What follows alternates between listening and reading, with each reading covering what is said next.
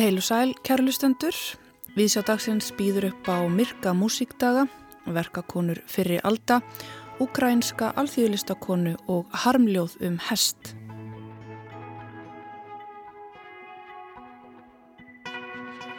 Tónlistaráttíðin Mirkir músíkdagar hefjastja eða hófust reyndar fyrir í dag.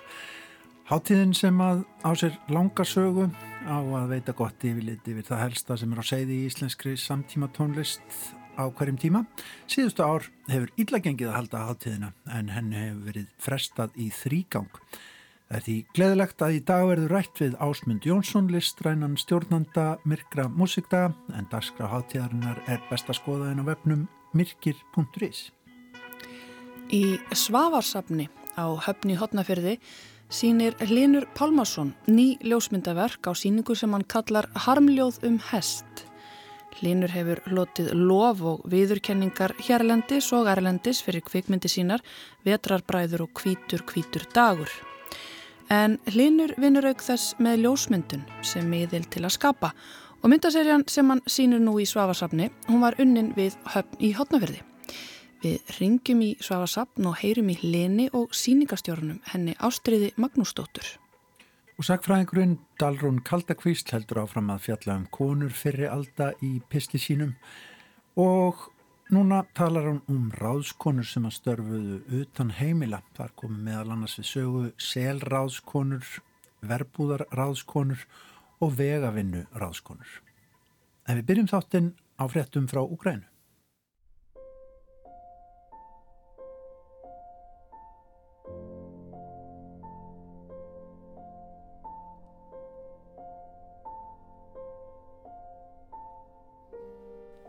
Við höldum því miður áfram að fá sorgarfregnir frá Úgrænu. Rúsar halda árusunum áfram og sífælt fleiri týna lífinu í stríði sem gæti dreyist að langin. Við fáum ekki einungis hörmulegar fregnir af almennum borgurum sem falla, heldur einnig af ómetanlegum menningararfi. Í gær bárast okkur fregnir af alþjóðlistasafni í Ívankíf, þorpi sem er á milli Tjernobyl og höfuborgarinnar Kíef.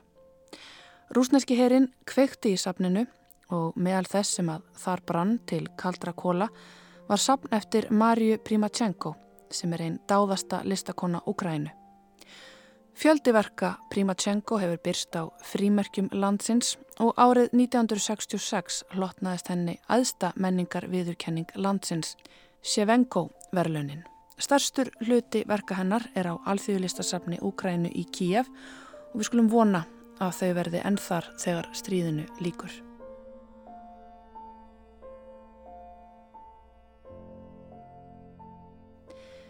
Primachenko bjó mest alla sína ævidaga í litlu þorpi í nágrennu við Ivan Kív.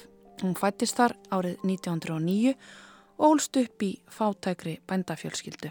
Afgerandi personlegur stíl verka hennar og umfjöllurnöfni sem voru gegnum gangandi alla hennar æfi gera verkin auðþekkjanleg.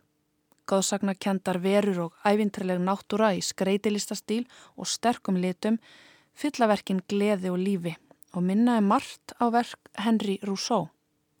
Stílin er kallaður alþýðulist eða nævismi til að leggja áherslu á að viðkomandi listamæður hafi ekki farið í skóla, heldur lært ákveðið handbráð, en Primachenko var auðvitað spreng lærð þrátt fyrir að hafa ekki gengið í viðurkendan listaskóla. Fadur hennar var smiður og útskurðamistari, móður hennar viðkunn handverskona sem saumaði listilega út minnstur sem að fyllt hafa ukrainsku handverki langt aftur í aldir. Það var vist nefna ljóst að dóttirinn Maria hafði ríka sköpunaþörf. Hún drá minnstur náttúrunar í sand og teiknaði og málaði húsin í þorpinu í bláu minnstrum, skreitti veggi hýpila með myndum af dýrum og jurtum. Þorpsbúar voru svo hryfnir af myndheimi stúlkunar og litagliðinni að henni var að lifta að fá útrás fyrir sköpunaþörfina á hvaða vegg sem er. Sagan af hæfileiku Maríu fór á flug. Fólk úr nágrannaþorpum kom til að sjá dýrðina og pandanir tóku að berast. Unga listakonnan fór fljótlega að geta síðað fyrir sér með hæfileikum sínum sem virtust vera meðfættir en líf hennar var ekki auðvelt. Hún vektist unga af mænusótt og leið allatíð mikla verki og gekk við hægjur. Það hefur verið sagt að þessi sársöki í bland við óþrjótandi þorsta fyrir lífinu og öllu sem að náttúran gefur af sér sé mitt það sem að gerir verkanar einstök. Primachenko leit svo á að í verkum hennar byrtust og flettuðust saman tveir heimar, sá ytri sem við sjáum flest öll og svo sá innri sem engin átti nema hún. Í innri heiminum kunnu fiskar að fljúa, drekar að drekka mjölk, gildur að fæða blómaengi, páfuglar að njóta tónlistar, þrýhöfðar snákar að vingast við mannfólk og byrnir að rækta hunung. Kýr dönsuð á regnbógum, blóm töluðu og ljón vernduðu fólk fyrir óvinnum. Primachenko sem var frá unga aldri þekkt í heimahýraði sínu var landsfræg á einni nóttu 1936 þegar verkanar voru sínd á alþjóðlistasýningu í ukrainska þjóðminnarsafninu í Kíjaf. Hún flutti til höfuborgarnar og hjælta áfram að skapa og sóti á þeim árum enn meira í brunn ukrainskra þjóðsagna og ævintýra. Hún misti manni sinn í stríðinu og flutti aftur heim í þorpið sitt þar sem hún breytti smáu æskuheimilinu í vinnustofu.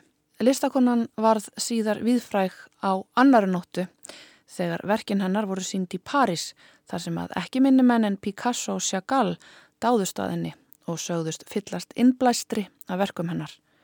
Sagan segir að Picasso hafi fallið á knið þegar hann heitti Primachenko og sagst beigja sig fullur aðdánar yfir undri Úkrænu. Primachenko hjælt alla tíð áfram að skapa ævintrileg málverk en auk þess skúltúra og textilverk Allt þar til hún ljast 1998, 89 ára að aldri.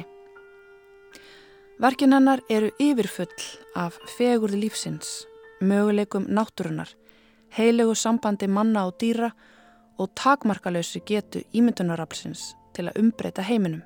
Það er alveg yfirgengilega sorglegt að hugsa til þess að slíkur vittnesbyrður skuli hafa brunnið til kaldra kóla í gær vegna ílsku og græðki mannsins.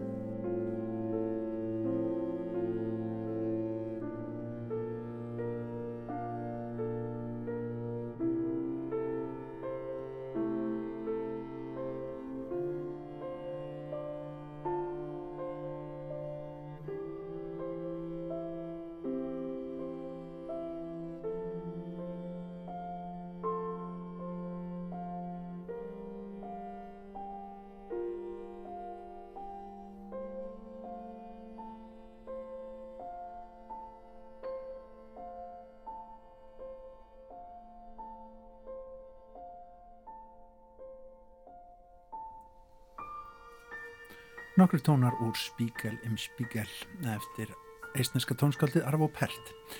En í Svavarsafni á höfni í Hortnafjörði sínir Linur Pálmarsson ljósmyndaverk á síningu sem að hann kallar Harmljóð um hest.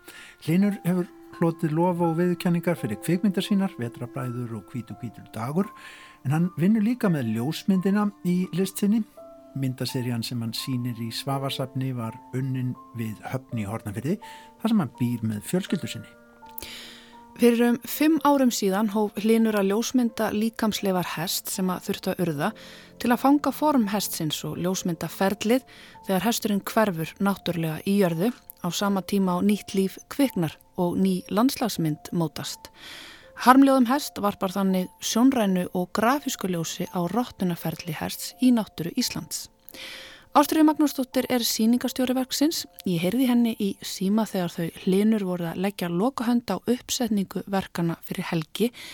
Ég byrja á því að spyrja Ástriði út í titil síningarinnar.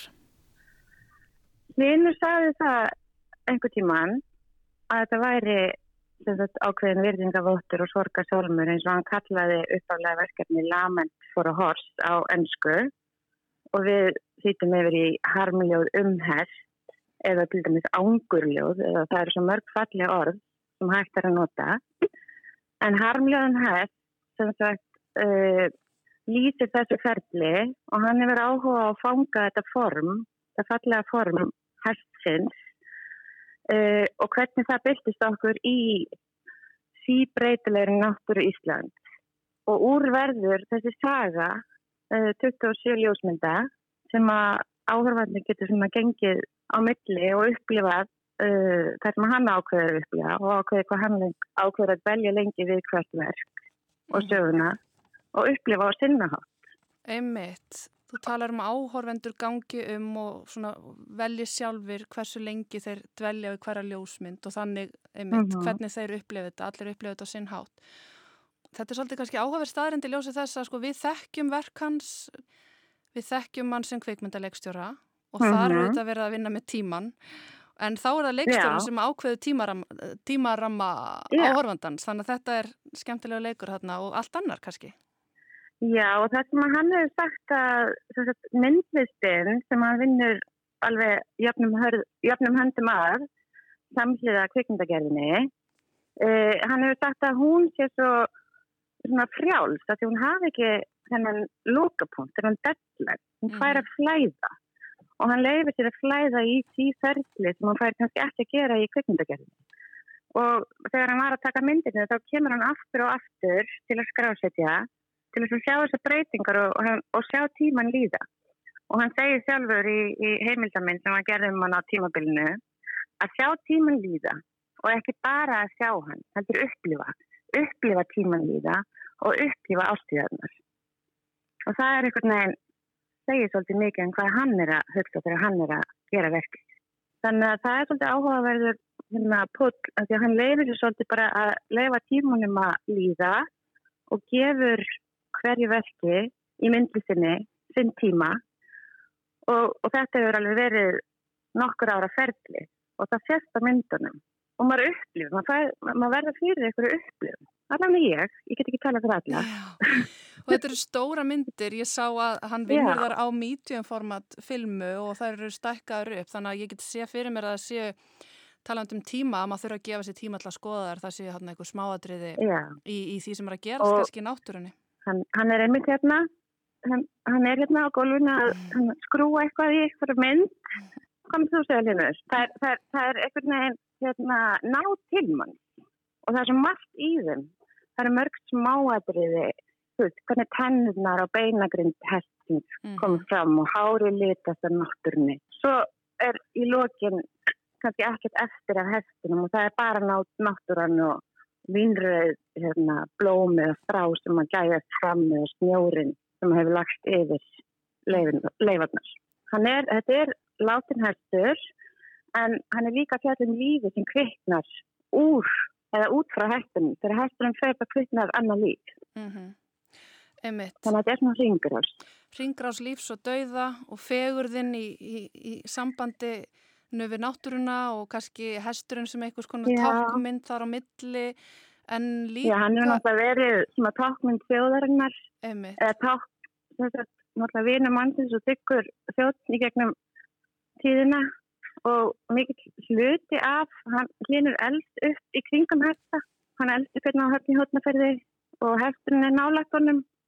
Og hann hefur áhuga á því sem er nálagt sér, hvort sem það er náttúrulega fólkið sitt dýr eða annars, hann vil bara fanga það sem að vekur aðtikli og fylgjast með því og, og í þessu verki er hann að fylgjast með því hvað gerist. Akkurat. Í síningaskráð þá er hægt að finna líka viðtal þitt við hlinn þar sem þeir eru að ræða mm. lífið og döðan og, og þessa síningu og, og, hérna, um, og þar talar hann um að fegurðin sé ekki spennandi en að hún sé líka daldi brútal. Já og það er svo áhugavert og maður verður svolítið að setja fegurina í samhengi við anstæðunar eða anstæðuna til að sjá fegurina það var nefnilega betra að hans svara þessari spurningu. Viltu segja eitthvað um þetta fegurin og brútalegan? Yeah. Já, já, ef ekki gera það? Já, þessu Blessaður hlýðinu, við ætlum að hafa mikið með þessa síningu Já, takk fyrir það Þannig að reyfin af skrúvjelinni til að svara já. í hvort að það sé hvernig hvernig hérna fegurinn verið meira spennandi með því að vera brútal? Já, ég held að, já, ég held að það sé bara ekki þetta hérna, skilja það, veist, þetta er bara hitti, eh, hitti einhvern veginn verður ekkert á, áhugaverst ef að, að hinsveginn er ekki, veist, það er alltaf, hérna, það kemur alltaf nótt og dagur og, og heitt og kallt og, og hérna, þannig að ef eitthvað er fallegt þá, þá verður maður einhvern veginn líka að finna það sem er svona ekki ljótt en, en svona brútal, held ég. Mm. Mm -hmm. Ertu mikið að sveiblast, þú nú býrðu bara á höfn og ert að taka ljósmyndir og en vinna líka að kvikmyndaverkum. Eh, hvernig er að sveiblast á millið þessara miðla? Um, það, það, ég held að það sé bara mjög náttúrulega fyrir mig það því að ég hef alltaf um, verið að vinna í myndlið samlega sko. Mér finnst þess að þegar ég er að vinna verkefni þá, þá velja þau eða sjálf hvað þau verða sko. Þannig að ég kannski er að gruska bara í alls konar hlutum og, hérna, og þá er eins og að e, ef það verður til ákveðin narratífur sögurþræður þá, þá er það til að fara kannski meira yfir í eitthvað kvikmyndalegt form en, en stundum er eins og að, að hérna, þau vilja eitthvað annað og þá bara leiði þeim að veist, fara að þunga og, og ég reynir bara einhvern veginn að fylgja því sko. Þannig að miðillin fylgir bara hugmyndinu eftir Já, mér finnst þess að ég sé bara svona einhvern veginn að hérna, gera það sem að, að mér finnst þess að ef, ef verki gengur vel þá er eins og ég sé bara að hérna, aðstofa verkið sko. Mm -hmm. og mér finnst það svona skemmtilegt þá er það svona eins og maður tapar sér tapar sér í og glemir sér. Hvernig gengur að vera grúska í allir þessu og höfn? það er bara eindislegt við byggum, vorum svo lengi í Danmark vorum ykkur 12 ári í Danmark og ég held að löngun hefur bara verið orðin svo mikil og hjá okkur og, og hérna, fjölskyldin þannig að við ákvöndum bara að reyna að búa hér og gákvæmst við getum tekið allt þetta fólk með okkur sem við erum að vinna með í útlundin hengað og gera myndir hér í staðin og, hérna, og það er bara þeir eru ótrúlega spennandi og gengið vel sko. Já, við hefum von á mynd frá þér bráðum, er það ekki? Jú, við erum bara að vinna á fullíðinni við erum hérna, að vinna hljóðið og, og, og síðustu skrifinni við erum að gera svona 2K skanna negatífunni filminni sem við skutum á þannig að við erum að fá það í góðum sem við getum unni með það þannig að hún, hún bara er mjög, mjög spennandi við erum spennt og glöggsa til að sína hann sko. mm -hmm. Getur þú sagt mér og hlustundum í stuttumáli um hvað hún fjallar? Já, það er eiginlega erfið til að maður er svona það sem ég er núna einhvern veginn en, hérna, en það sem getur sagt kannski er að þessi hestur sem ég er að sem við erum að sína hérna á hornafyrir er mjög tengdur verkefnu þannig að mörgulegt er fjallamindi líka um, um enna um þessar þingrás ástíðanar og, og líf og döðan alltaf milli. Það er einhvern veginn við erum að, hún fjallar svolítið um, um svipa hluti sko. Stóru hlutina, heyrðist mér. Já, stóru já, og, og litlu hlutina. Einu milli þetta, þetta, þetta bara hverstæðlega líka sko, bara, sem er kannski það stóra. Þetta, Já, ég, ég held að það er erfitt samt að tala um að núna þegar það sem er að gerast í heiminum núna hérna í nágrannlöndum stundum erfitt að tala um litlu hlutina en ég heldur skipta þetta máli sko. Emmitt, mann líður stundum eins og þetta sé allt eitthvað hjóm með allt sem er að gerast út í heimi. Já, þetta er, maður er náttúrulega ringlega sko. Sannlega, uh, Hlinur, við, þetta var ekki plana viðtal en takk fyrir að hoppa úr, af skrúvilni og í símtalið og hérna segja mér östuðt svona frá þínum hugarefnum til hamingjum þessa síningu og við býðum bara spennt Já. eftir þessari mynd sem að snertir á þessum sömu temum og eru þarna á veggjónum í Svávarsafni. Já, takk alveg fyrir. Sælaftur. Sælaftur ástriður, takk fyrir þetta. Þetta er mjög óvænt og skemmtilegt hérna hjá okkur. Já, ég hérna, en, hérna, ég er bara hvert aðall að koma í Svávarsafn og sjá þessa frábæri síningu. Mæli með henni og, og hún er mjög áhugaverð.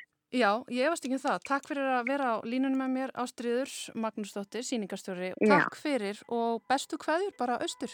Já, sömulegðist til Reykjavíkur.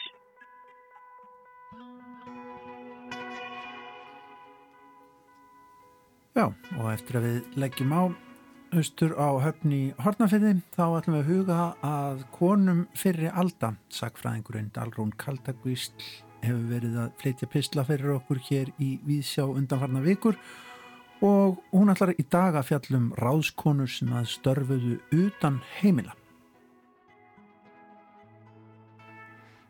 Þegar starfsheitið ráðskona kemur til tals þá koma ráðskonur á sveitabæjum öðru fremur upp í huga fólks.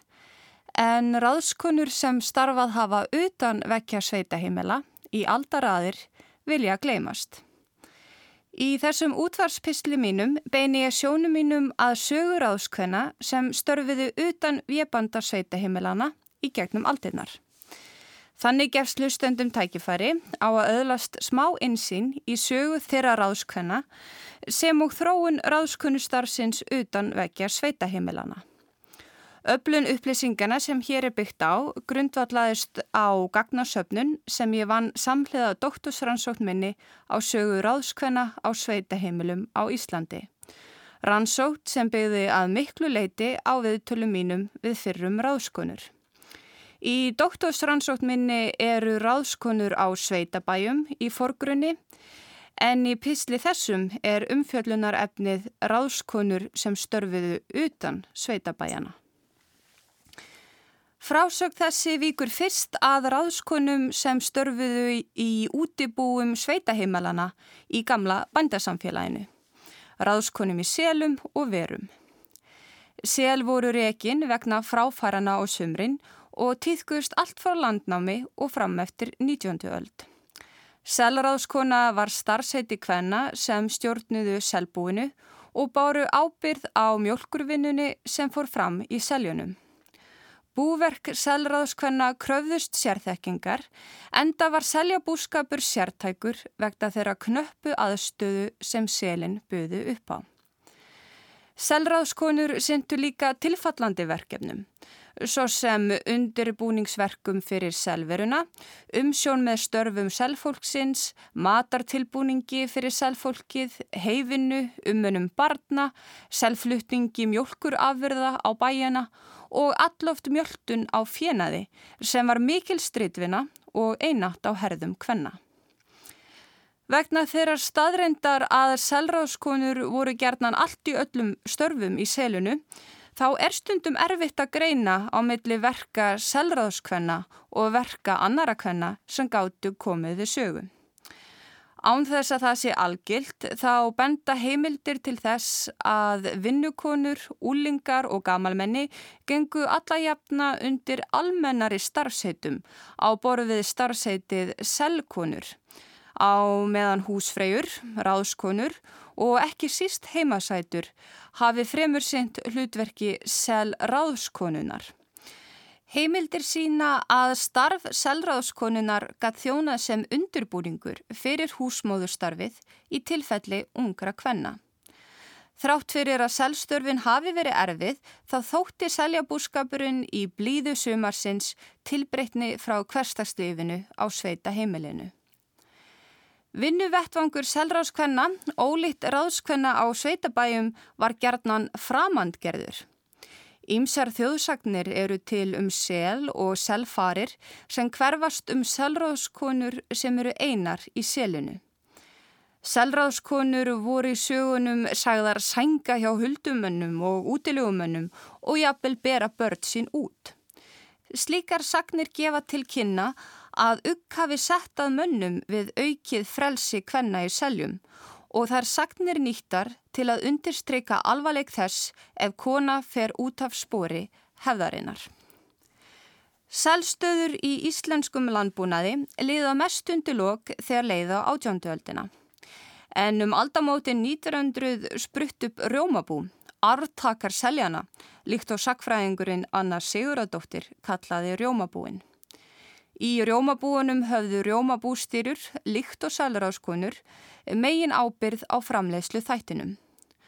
Rjómabústýrustjættin er sérlega áhugaverð enda einn allra fyrsta starfstjætt kvenna utan sveitabæja hérlendis. En svo kvennastjætt var þá skammæ og leiðundi lok um miðbygg 20. aldarinnar. Frásögn minni víkur næst að ráðskonum sem störfuðu í verum fyrir á öldum. Ver var sá staður þar sem sjómenn byggu er þeirri gerðu út til fiskveiða utan færis sveitabæjana. Ólíkt ráðskonu störfum í seljum og rjómabúum sem hverðust um framleiðslu þáttinn þá byggðu ráðskonu störf í verum á þjónustu þættinum öðru fremur. Helstu störf ráðskvenna í verum og fólust í að þjónusta skipshafnirnar en verbúðaráðskonur unnu yfirleitt ekki við fiskverkun nema um það væri sérstaklega samið. Ráðskonur í verum önnuðust alla jafna eina skipshöfn, sex manns, eða tvær skipshafnir, tólmanns, ef skipshafnirnar dvöldu í sömu verbúð. Ráðskonur í verum þurftu að aðlægast hinnu karlæga umhverfi sem verin voru. Svo vittnaði sér í eina fyrrum verbúðaráðskonu sem sagðist hafa lært í verinu að baka brauð og brúka kjáft. Starfsumhverfi ráðskvenna í verum gamla bandarsamfélagsins, líkt og ráðskvenna á sveitabæjum, var í senn dvalar og vinnustadur þeirra. Aðbúnaður á sveitahimilum landsins var misjafn en allur aðbúnaður í verum var hins vegar af lakara tæjunu. Ráðskonurnar sváfa á sama lofti og vermennir og þurftu gerðnan að búa og vinna við báar aðstæður svo ég vittni orð annarar fyrir tíma verbúðaráðskonu sem sagði Það kom fyrir er Bakkus var komin á mikið í spilið að vermennir brutu allt á brömluðin í herberginu og þrifið þá það sem næst var hendi til að kasta. Það var oft erfitt þegar böl voru og kenderi. Þá þorði maður ekki að sofa nema í fötunum og oft sváfum við saman tvær ráðskonur til hals og trösts hvor annari, sagði verbúðar ráðskonan. Allt fram eftir fyrir hluta 20. aldar voru atvinnumögulegar kvenna nær einverðungu bundnir við vinnukonustarfið. Þar á leiðandi var ráðskonustarf í verum eftir sóknarvert starf á meðal kvenna fyrir á öldum. Með því að gerast ráðskonur í verum gáttu konur þjenað helmingi herri kaup en þar gerðu sem vinnukonur. Ráðskunu starfi verum hendaði einnig fyrir einstæðamæður sem auglaunana fengu húsnæði og fæði fyrir sig og börn sín. Störf ráðskvenna í verum liðu ekki undir lok eins og störf selráðskvenna og rjómabústýra heldur breyttust með tilkomu velvaðingar í sjávarútvegi. Þegar kom fram undir aldamótin 1900 fór starfsviðum ráðskvenna sannarlega að fjölga. Í kjölfar þjæppilismyndunar hófu ráðskonur að starfa á enga heimilum í bæjum og borg og syndu á þeim vettvangi viðlíka starfskildum og starfsistur þeirra á sveitaheimilunum. Matreyslu, almennum þrifum og barnapössun. Starfsvettvangur ráðskvæna farðist smá saman út á ofinbæra sviðið þegar fyrirtæki og stopnarnir fóra ráða til sín ráðskonur. Þá komu til sögunar ráðskonur í mötuneytum stopnana, hjá vegavinnuflokkum og virkjanabyggingarflokkum, svo fátt eitt sé nefnt. Með tilkomu ráðskonu starfa á ofinberasviðinu var meiri áhersla lögð á að ráðskonur byggju að fagmentun, svo sem ráðskonur sem störfuðu í skólum eða á spítulum. Á áttunda áraugtögnum var til að mynda stopnuð sérstök ráðskonu deilt í húsmaðurakennaraskólanum og einni síðar í húsmaðuraskólanum á Hallamstað sem hlaut fljótlega nafnið matráðsmannadeilt. Ráðskonur hjá fyrirtækjum og stopnunum höfðu öðru fremur eldhússtörf með höndum. Virðing og vegsemd ráðskvenna sem störfiðu hjá fyrirtækjum og stopnunum reðast fyrst og fremst af hæfileikum þeirra í eldhúsinu.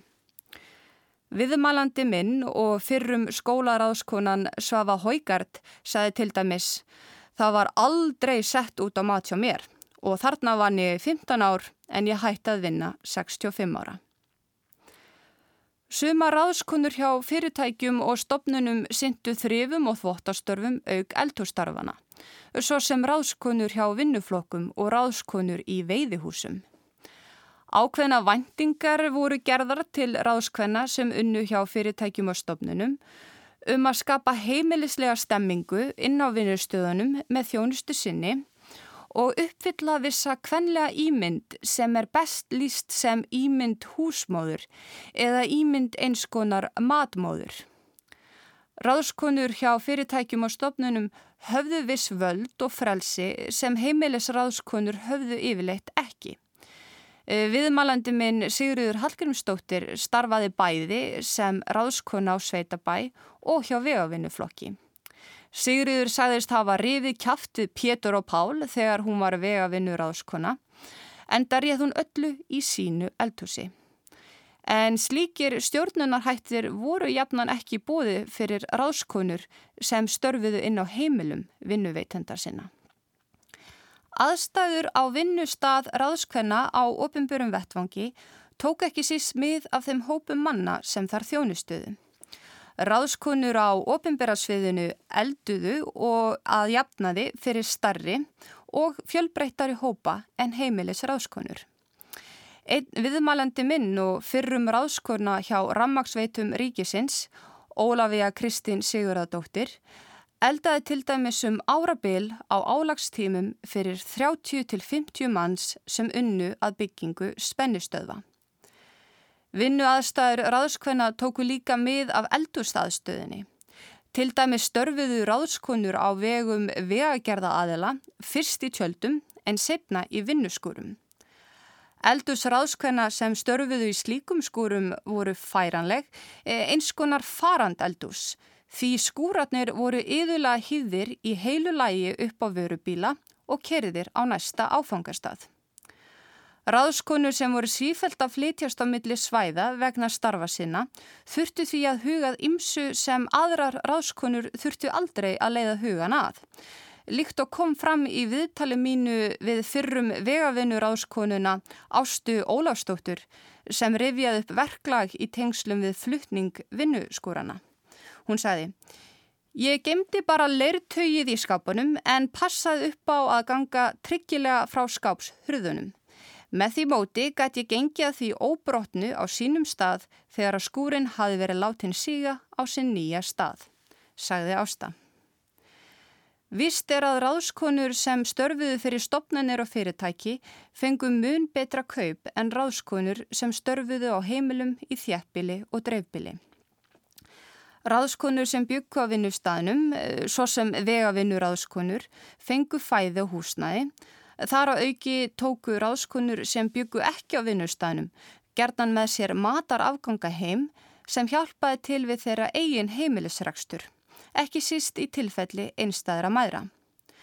Margar kvennana sem rætt var við tóku þá fram að ráðskunnustarf á ofinbjörnum vettvangi hafi þó verið erfiðsvinna og frístundirnar fáar ekki síst þegar vinnustadurinn var í senn íveru staður þeirra.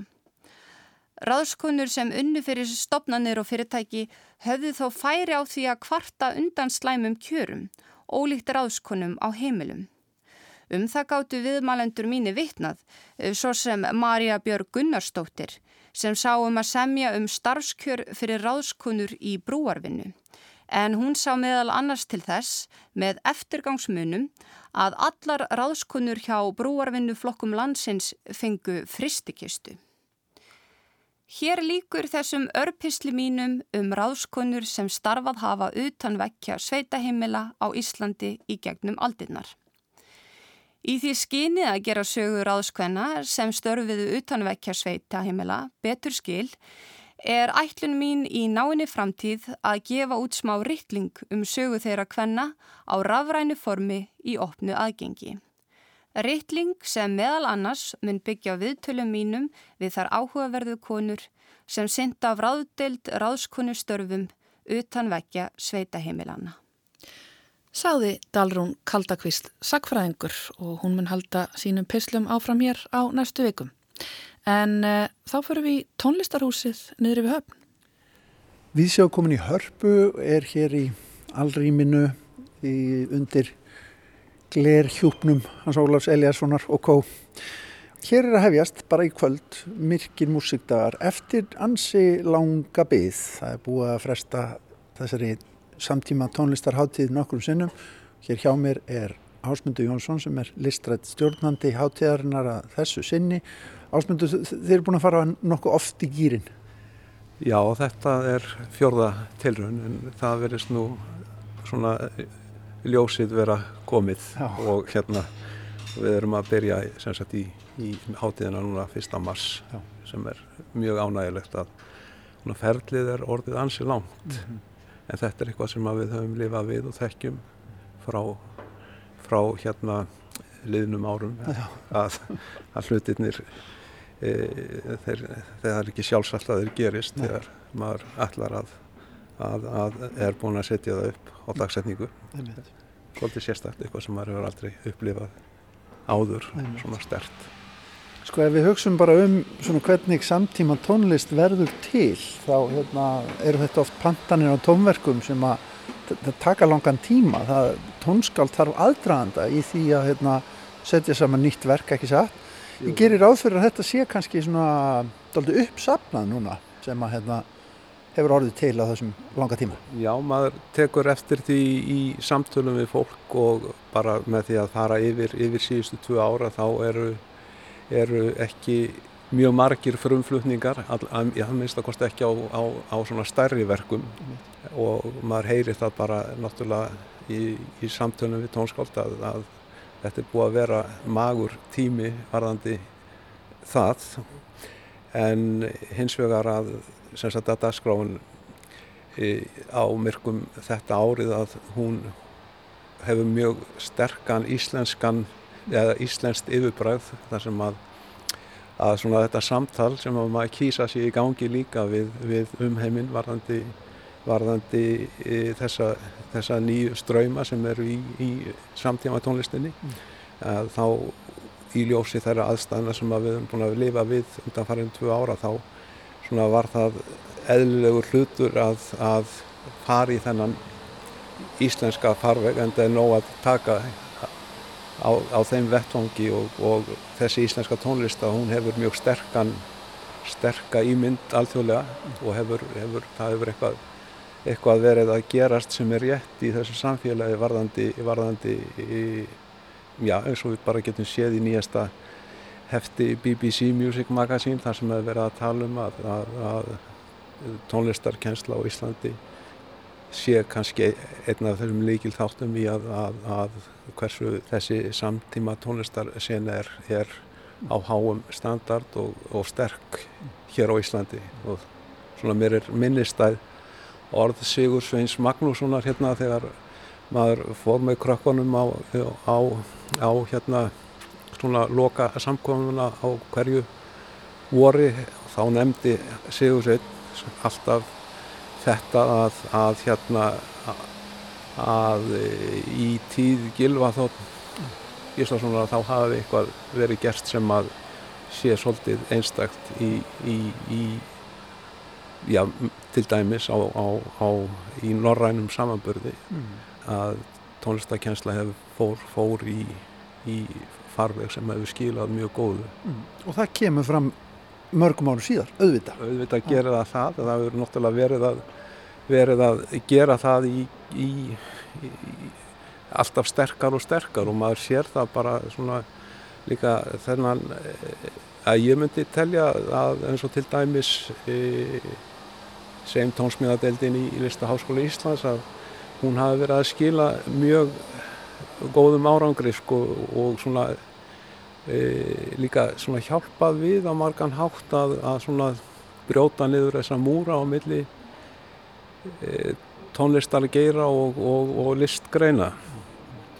Það hefur verið, er mjög áberandi í mörgu af því sem er að gerast á háttíðin að, að, að hérna, við erum að upplifa e, nálgun á umhverfinu og, og og tilfinningunum út frá svona svolítið áhugaverðum hlutum og, og fólk er að svona kafa inn í, inn í, inn í eh, náttúruna, skinnfærin og tilfinningarnar á, á, á hérna mjög áhugaverðan hátt finnst mér.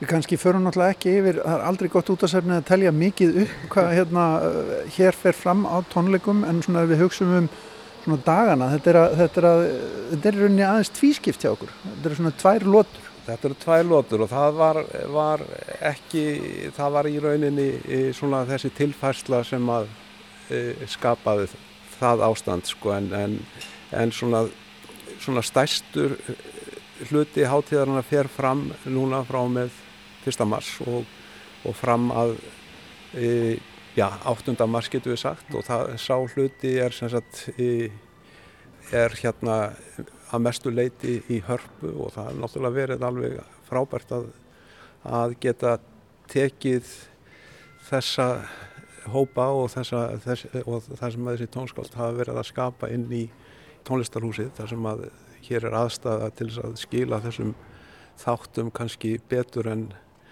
nokkur staðar annar staðar væri hægt að, að gera það er að segja að þú, við erum að upplifa tónlist í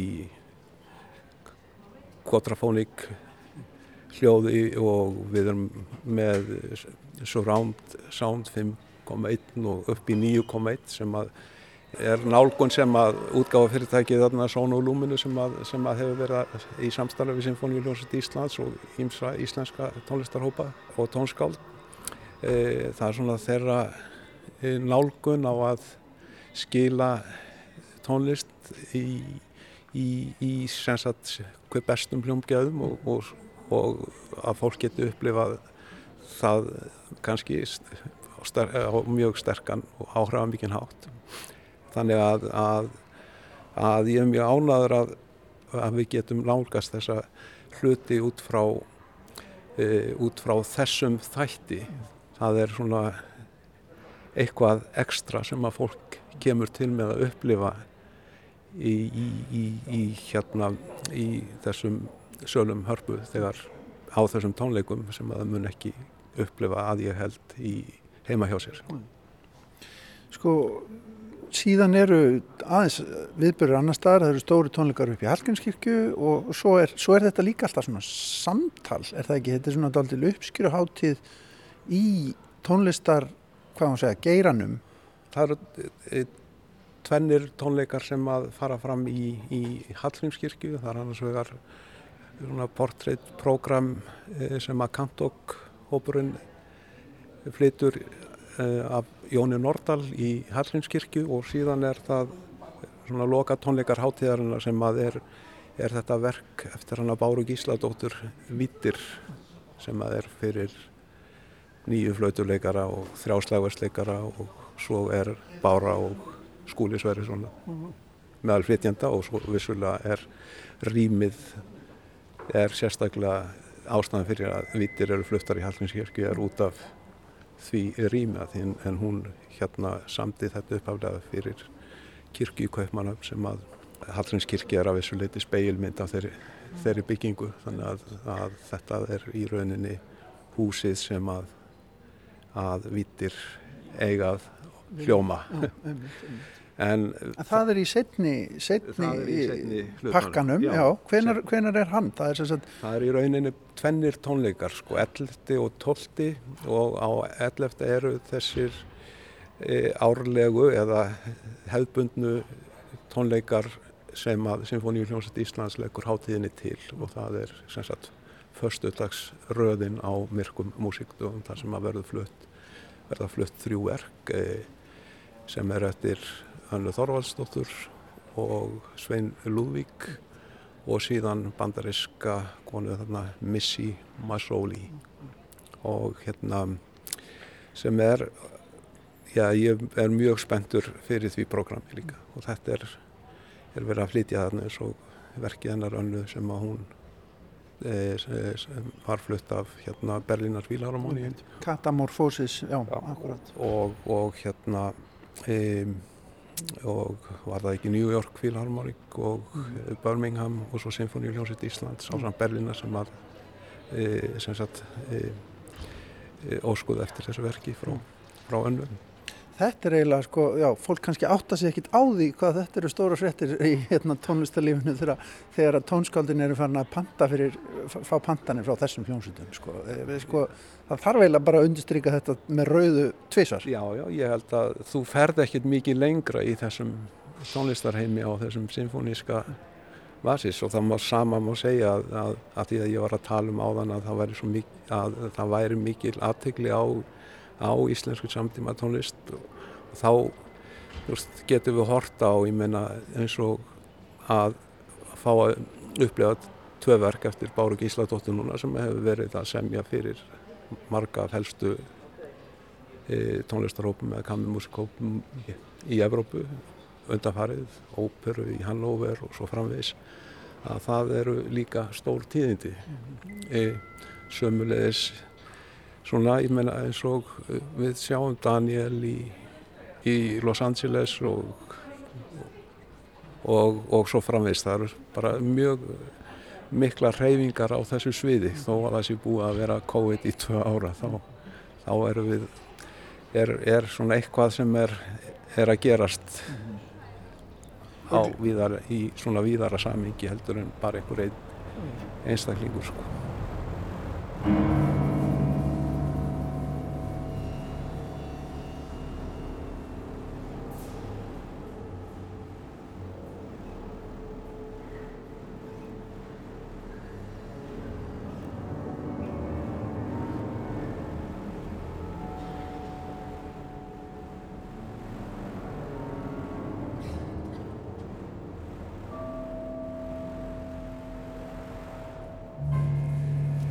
En mér langaði líka að nefna hérna tvo viðburði sem að fylgja hátíðinni sem er annar viðburðinni sem að er kallaður pódium og er svona kynning í rauninni á, á verkefnum sem að íslenski flytjendur og tónskáld hafa verið að útfæra. Það er að segja að þetta eru verkefni sem við erum að reyna að kynna fyrir tónlistarháttíðum Erlendis og, og listurum stjórnundum tónlistarhópa. Uh, og þetta köllum við pódium sem er í, í Norrannahúsinu fyrsta og annan mars á milli 1 og 3 og verður samliða í, í, í beinu streymi. Og þarna er í rauninni tónlistarhópar eða tónskáld að kynna sín verkefni. Og þá má nefna eins og til dæmis e, verkefni sem átti að vera á, á myrkum músikdögum þegar uppaflega prógramið fyrir þessa hátíð var sett saman þar að segja heldarflutningur á, á strengjakvartum alla heimis með, e, með hérna, strókvartinu Sigga. En það var það frestað því út af barnignum í hófnum og svona þannig að það gerist nýmislegt á, á laungum tíma. Og, og svo er eins og til dæmis þetta verkefni sem að, að hann Haldur Smárasson gerði sem sagt útgáða í, í samstarfi við Sónu og Lúminus þarna út í bandaríkjónum Stara.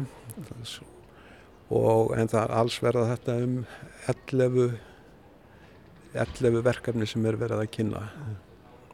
Svo erum við með málþing sem að verður í Norrannahúsinu lögadaginn 15. mars og þar er sem sagt því er stýrt af, af Pamelu Desensi og hérna málþingum stóðu hvenna í tónsmiðum en hérna e, það er verkefnastjóri þar er hún Pamela Desensi og, og, og, og hún mun stýra samtalenu Ásbjörg Jónsdóttir. En hérna e, þetta er, er unnið í samvinnu við 12 tónskáld sem að koma frá Íslandi, Nóri, Færium, Grænlandi og Japan. Og e, e, þetta sem sagt málþing hefur farið fram í, í Færium og á Grænlandi. En, en, en hérna e, samlega þessu verður síðan e, flautu sveitin eða flautuhópurinn Alos með tónleika þar sem flutt væri að verk e, sem að hafa sérstaklega verið samin fyrir að þessu tilefni.